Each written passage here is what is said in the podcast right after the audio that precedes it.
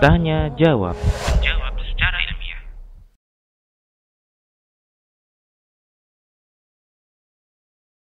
Pertanyaan-pertanyaan yang terkait dengan apa yang diajukan pada hari ini semuanya menunjukkan atau menambah keimanan kita dengan kasih sayang Allah. Zat yang maha rahman, zat yang maha rahim subhanahu wa ta'ala.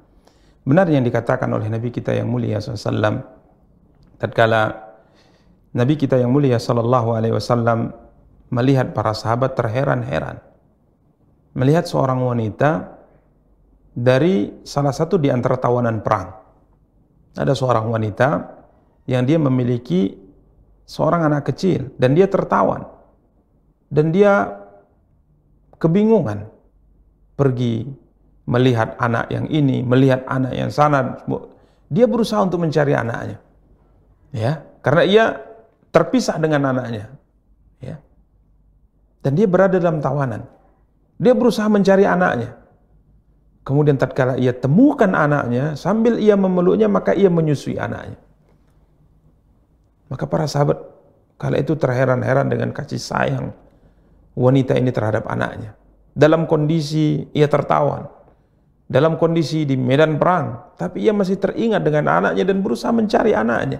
Kemudian tatkala dia temukan anaknya, dia langsung peluk dan ia langsung menyusuinya. Maka kala itu Nabi SAW bertanya kepada para sahabat. Wahai para sahabatku, apakah mungkin seorang ibu yang seperti ini, seorang ibu yang seperti ini, yang sangat menyayangi anaknya seperti ini, kemudian tega mencampakkan anaknya ke dalam kobaran api? Ibu, sekalipun di medan perang, sekalipun ia sedang tertawan, mungkin hatinya sakit atau mungkin badannya terluka sekalipun, tapi masih bisa mencari anaknya. Masih berusaha mencari anaknya dan tatkala temukan anaknya dia susui. Maka Nabi SAW tatkala melihat para sahabat kagum melihat kasih sayang wanita ini terhadap anaknya. Maka Nabi SAW bertanya, Atarawna anna hadhi tarihat tarihatun waladaha finnar. Nabi SAW mengatakan, apakah kalian yakin kalau wanita yang seperti ini tega mencampakkan anaknya ke dalam kobaran api. Maka para sahabat mengatakan tentunya tidak ya Rasulullah. Tidak mungkin. Mustahil wanita yang seperti ini mau membakar anaknya hidup-hidup. Mustahil kata Rasulullah. Maka apa kata Nabi SAW? Allah arham bi ibadihi min hadhihi bi waladiha. Apa kata Nabi SAW? Sesungguhnya Allah pencipta kita subhanahu wa ta'ala lebih menyayangi hambanya melebihi akan kasih sayang wanita ini terhadap anaknya. Ini Allah zat yang telah menciptakan kita. Memiliki kasih sayang kepada hambanya tak terbatas. Maka Allah SWT mengatakan, Nabi ibadi anni anal ghafurur rahim. Sampaikan kepada hambaku yang Muhammad, aku adalah zat yang maha pengampun, aku adalah zat yang maha pengasih dan penyayang, subhanahu wa ta'ala. Jadi semua pertanyaan mengarah kepada kasih sayang Allah subhanahu wa ta'ala. Maka yang ditanyakan oleh ukhti, barakallahu fiki, terkait dengan perbuatan jahat, perbuatan maksiat yang dilakukan oleh seorang anak, apakah dosa dari perbuatan maksiat yang dilakukan oleh anak ini akan mengalir ke orang tuanya? Maka kita katakan tidak, tidak sama sekali tidak. Karena Allah Subhanahu wa taala zat yang Maha Pengasih lagi Maha Penyayang. Yang mengalir ke orang tua itu adalah amal saleh.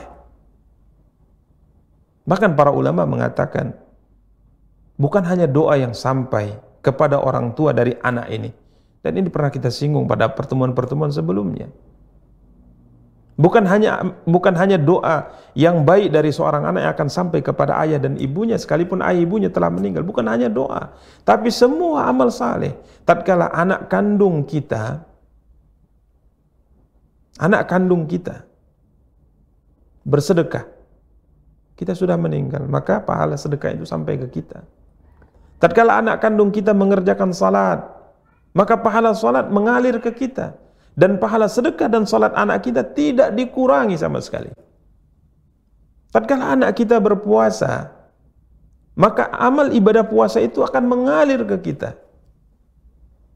Dan amal ibadah puasa anak kita sama sekali tidak dikurangi oleh Allah. Ini salah satu di antara bentuk kasih sayang Allah kepada hambanya. Selama hamba ini beriman kepada Allah, tidak kafir kepada Allah.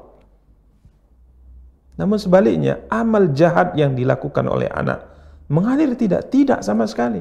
Allah berfirman, "Wala taziru waziratun wizra ukhra." Seorang yang berdosa tidak akan pernah memikul dosa orang lain. Kecuali jika seandainya ayah dan ibu mendidik anaknya untuk melakukan maksiat. Nah ini mengalir. Kenapa? Karena yang mengajarinya, yang mendidiknya dan melatih anak ini untuk melakukan maksiat adalah ayah dan ibunya. Ya tentunya di sini bukan karena ayah dan ibu pembahasannya, akan tapi karena mengarahkannya, melatihnya, mengajarinya, mendidiknya untuk melakukan maksiat. Dan ini berlaku untuk siapa pun. Contoh misalnya ukti, tatkala kita mengajarkan seorang untuk melakukan maksiat, siapa pun yang kita ajari, kita latih orang ini untuk melakukan maksiat. Dari kecil, kita ajak dia untuk mencuri. Kita latih dia untuk mencuri. Sudah? Kemudian tatkala dia besar dia mencuri. Tentu setiap kali dia mencuri, karena kita yang memberi contoh, karena kita yang mengajari dia, karena dia yang kita mendidik dia untuk melakukan maksiat tersebut, tentunya selama dia melakukan maksiat akan terus mengalir.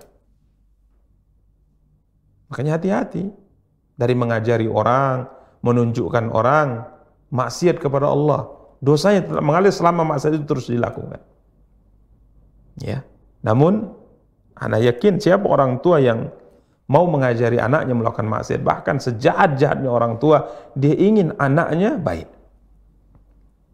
Contoh misalnya, tatkala orang tua tidak nutup aurat, pasti dia mengarahkan anaknya untuk nutup aurat. Orang tua tidak sholat, nyuruh anaknya tetap sholat. Ya, ayo nak pergi ke masjid. Padahal orang tuanya tidak ke masjid. Ayo nak sholat. Padahal orang tuanya tidak sholat. Ya. Makanya, wallahu taala alam, kalau pembahasan secara umum, kita katakan bahwa amal baik yang dilakukan oleh anak itu akan mengalir kepada kedua orang tuanya. Amal jahat yang dilakukan anak tidak mengalir ke orang tuanya selama tidak ada peran orang tua untuk mendidik anak melakukan amal yang buruk tadi. Wallahu taala a'lam. Nah.